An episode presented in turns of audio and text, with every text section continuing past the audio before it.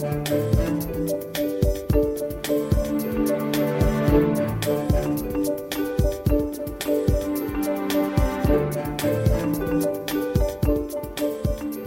Bodziuk, dzień dobry. To jest program Szczerze o Pieniądzach. W studiu gość Paweł Wójcik, prezes zarządu Votum Finance Help. Dzień dobry, panie prezesie. Dzień dobry, panie redaktorze, witam państwa. Panie prezesie, porozmawiamy sobie o rynku kredytów, o frankowiczach, e, ale o złotówkowiczach myślę też. Zacząłbym, podsumujemy sobie poprzedni rok i wybiegniemy e, w ten, ale chciałbym zapytać pana najpierw o to, co dzisiaj jest największym zmartwieniem posiadaczy kredytów we frankach szwajcarskich. E, Stopy procentowe?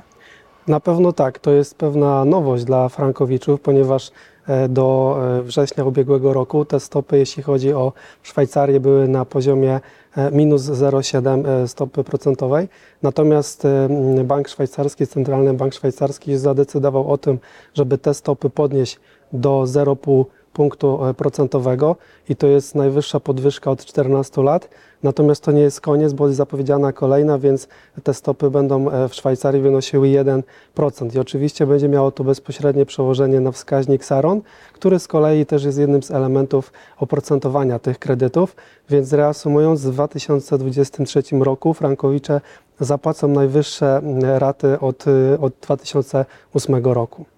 No to sytuacja nie maluje się w kolorowych barwach, bo nie dość, że frank cały czas jest drogi, to i stopy procentowe będą wyższe. Chociaż nie tak wysokie jak w Polsce. No ale- oczywiście, no tutaj trudno szukać takiego bezpośredniego przełożenia, natomiast jak sobie przeanalizujemy e, kredyt złotowy zawierany w 2008 roku i podobnie kredyt złotowy, tylko że indeksowany do franka z tego samego okresu, to tak naprawdę tylko przez pierwsze 5 lat kredytobiorcy złotowi płacili wyższe raty, natomiast od 2013 roku cały czas to frankowicze te raty płacą wyższe właśnie z racji tych e, wzrostów kursu franka szwajcarskiego.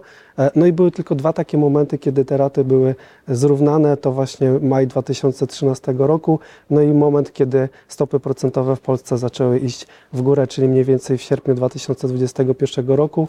E, No i ten wzrost na, na tych e, stopach procentowych powoduje, że, że tak jak zainteresowanie WIBORem nastąpiło w momencie, kiedy nagle ta rata no mocno wyskoczyła, to zakładamy, że dla e, e, jeszcze tych frankowiczów, którzy nie zdecydowali się zrobić cokolwiek ze swoim kredytem, może to być taki moment do, do tego, żeby taką decyzję podjąć.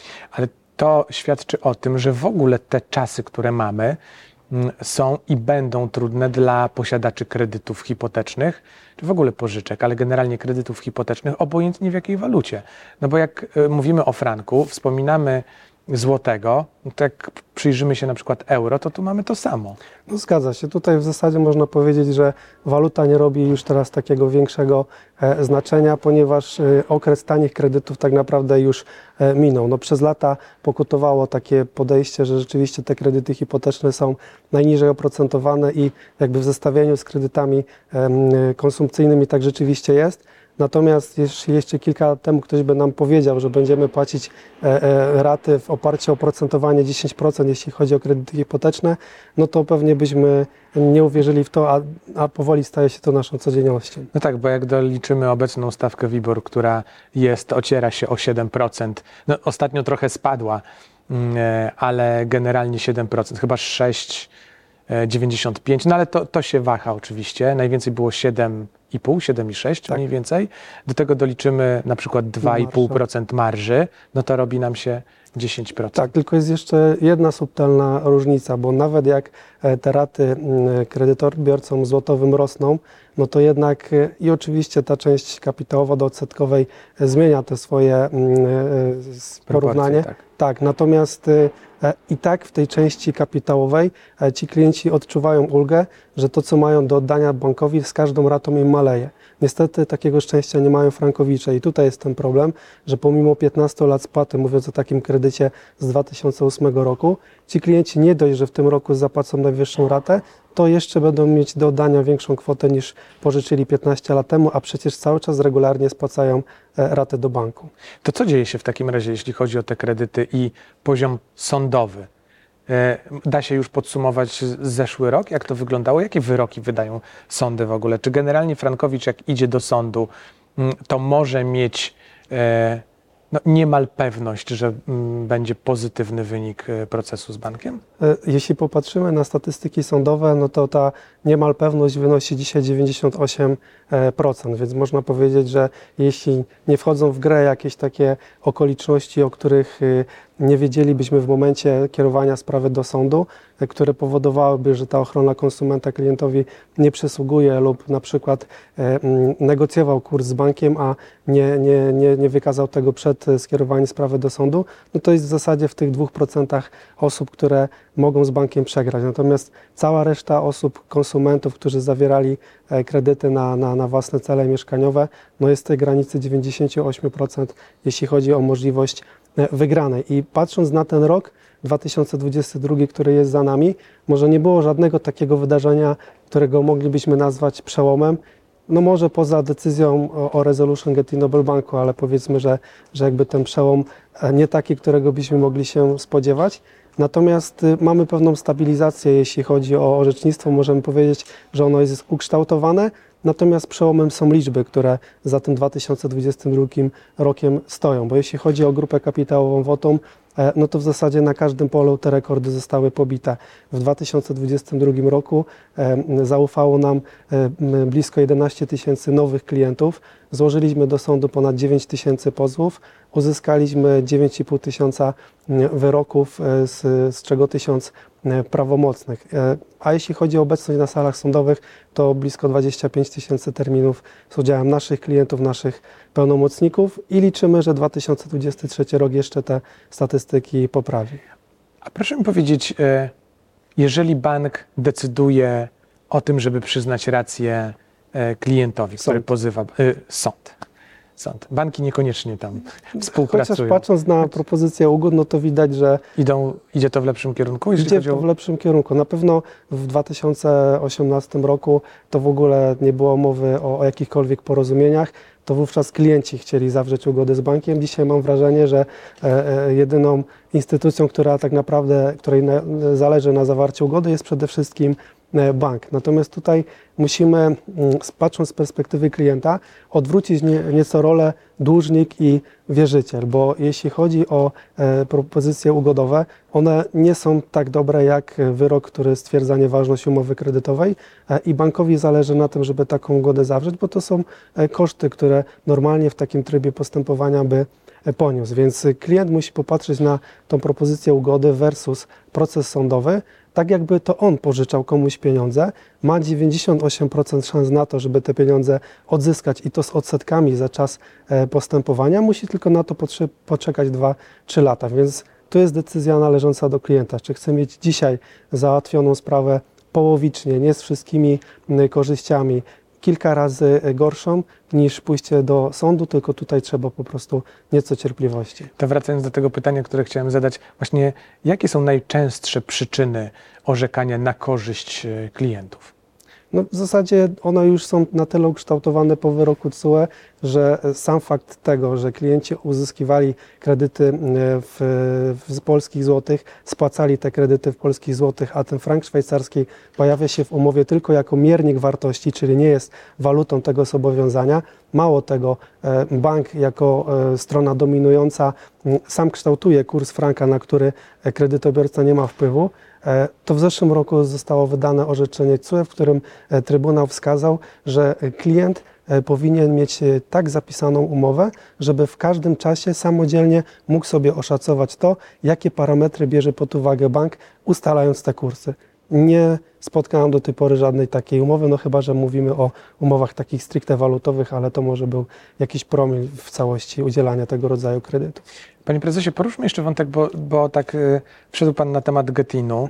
E, co z klientami tego banku? Jak wygląda sytuacja teraz?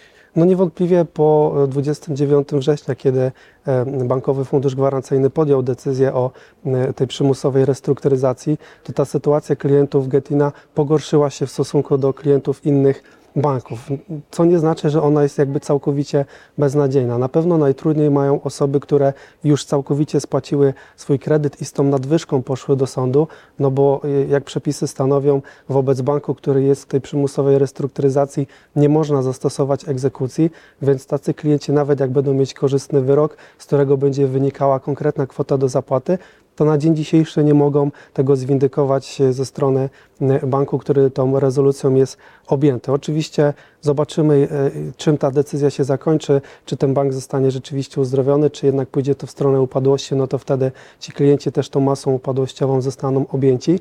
Natomiast klienci pozostali, którzy e, w tych procesach już są, no to oni dalej mają interes w tym, żeby ta umowa została unieważniona, no ponieważ to jest wyrok stwierdzający nieważność ważność umowy prawomocny daje im możliwość i prawo do tego, żeby pozbyć się e, całkowicie tego kredytu i nie płacić dalej rat, więc jakby żaden inny postanowienie, żadna inna okoliczność takiej możliwości nie daje, więc cały czas mają interes w tym, żeby te do sądu pójść e, i umowę unieważnić.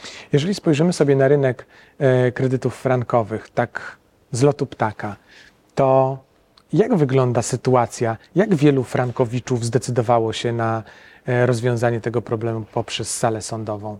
Czy to jest większość, mniejszość? Jest jeszcze duża grupa tych, którzy mogą pójść do sądu, czy generalnie wszyscy, którzy mogli, to już poszli? No to zależy też z jakiej perspektywy na to popatrzymy, bo jeśli patrzymy z perspektywy całego portfela, to nie ma jeszcze oficjalnych statystyk podsumowujących 2022 rok, ale zakładamy, że około 150 tysięcy frankowiczów już w sądach walczy o swoje, o swoje prawa. Zakładamy również, że w 2023 roku co najmniej 200 tysięcy ta liczba przekroczy, więc ten zapał do tego, żeby na drodze sądowej sprawę rozwiązać na pewno nie, nie, nie ucichnie. Oczywiście pojawiają się też pewne informacje dotyczące tego, że część klientów decyduje się na ugody, Natomiast y, z naszej perspektywy raczej y, otrzymanie takiej propozycji ze strony banku to to jest sygnał dla klienta do tego, że skoro już bank chce się dogadywać, to przyznaje do tego, że te umowy są po prostu wadliwe, więc chcemy powalczyć o pełną pulę w sądzie. Mhm.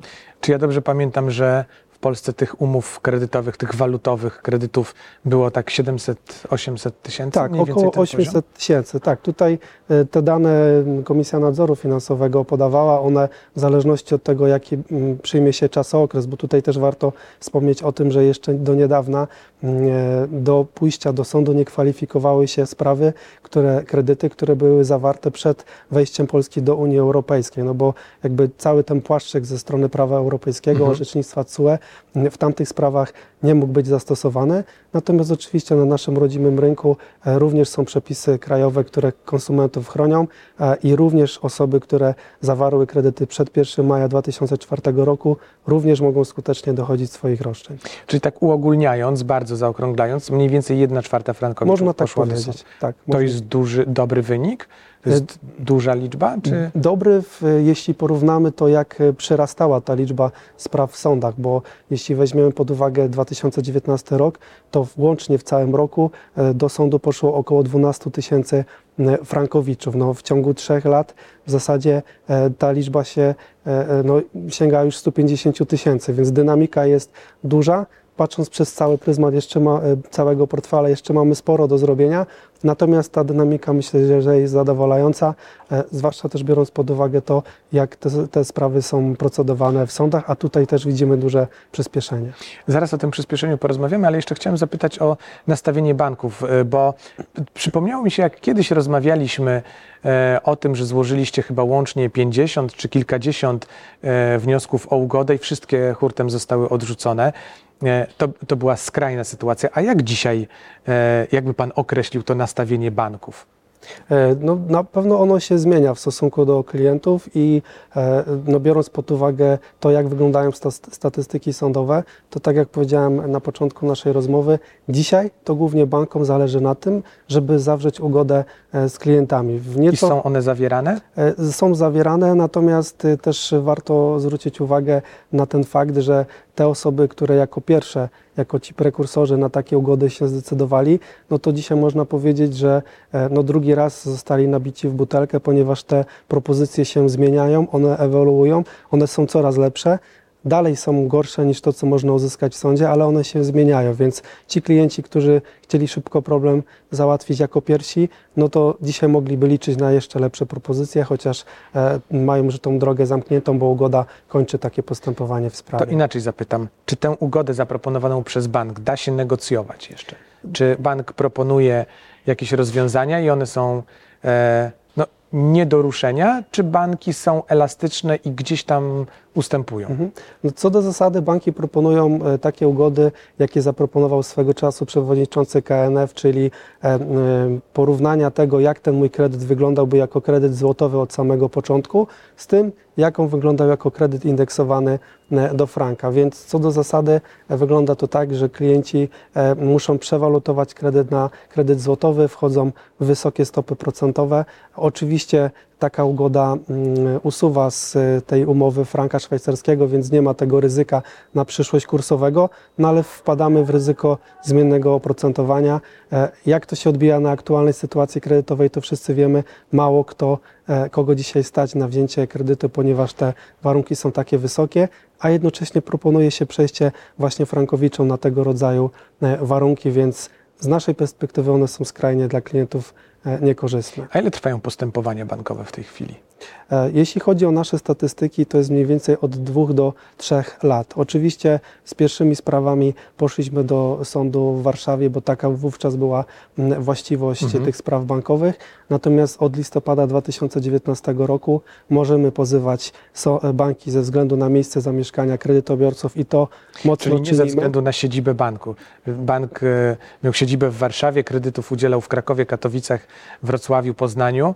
To możemy teraz w tych poszczególnych miastach. Tak, tak, jeszcze mamy taką możliwość. Natomiast tutaj też e, są prace prowadzone nad kodeksem postępowania cywilnego e, i po to właśnie, żeby te sądy warszawskie nieco odkorkować, e, będzie to już obligiem, czyli będzie obowiązek prawdopodobnie przez 5 lat, żeby w sprawach bankowych wytaczać powództwa tylko tam, gdzie kredytobiorcy mają swoje miejsce zamieszkania. Jeszcze dzisiaj mamy wybór. Możemy wybrać tutaj sąd warszawski ze względu na siedzibę banku, możemy wybrać inny sąd ze względu na e, miejsce zamieszkania kredytobiorcy, natomiast prawdopodobnie w okolicach połowy roku to się zmieni, więc wszyscy będziemy mogli tylko pozywać mm, banki tam, gdzie mieszkają kredytobiorcy, co może być pewnym utrudnieniem dla kancelarii, które działają w Warszawie, a mają klientów z całej Polski, no bo dzisiaj ustawa im mm, umożliwiała kierowanie spraw do, do sądu, czyli w zasadzie do, do, do miejsca e, blisko swojej kancelarii. Utrudnione to będzie od nowego roku, natomiast my przygotowaliśmy się na to i w zasadzie od 2019 roku rozbudowujemy sieć naszych biur terenowych, kancelarii i dzisiaj jesteśmy w stanie obsługiwać klienta z każdego krańca Polski. E, a mm, rozmawialiśmy o Frankowiczach, to, to puentując czy kończąc naso, naszą rozmowę, chciałbym, żebyśmy jeszcze dwa zdania zamienili o tych, którzy mają kredyty złotowe. E, bo pojawiły się takie informacje, że ci też zaczynają iść do sądu. Mają po co? E, mm, na dzisiaj e, jeszcze jest za wcześnie. Takie jest nasze zdanie. Oczywiście pierwsze próby mm, walki w cudzysłowie z Wiborem się pojawiają.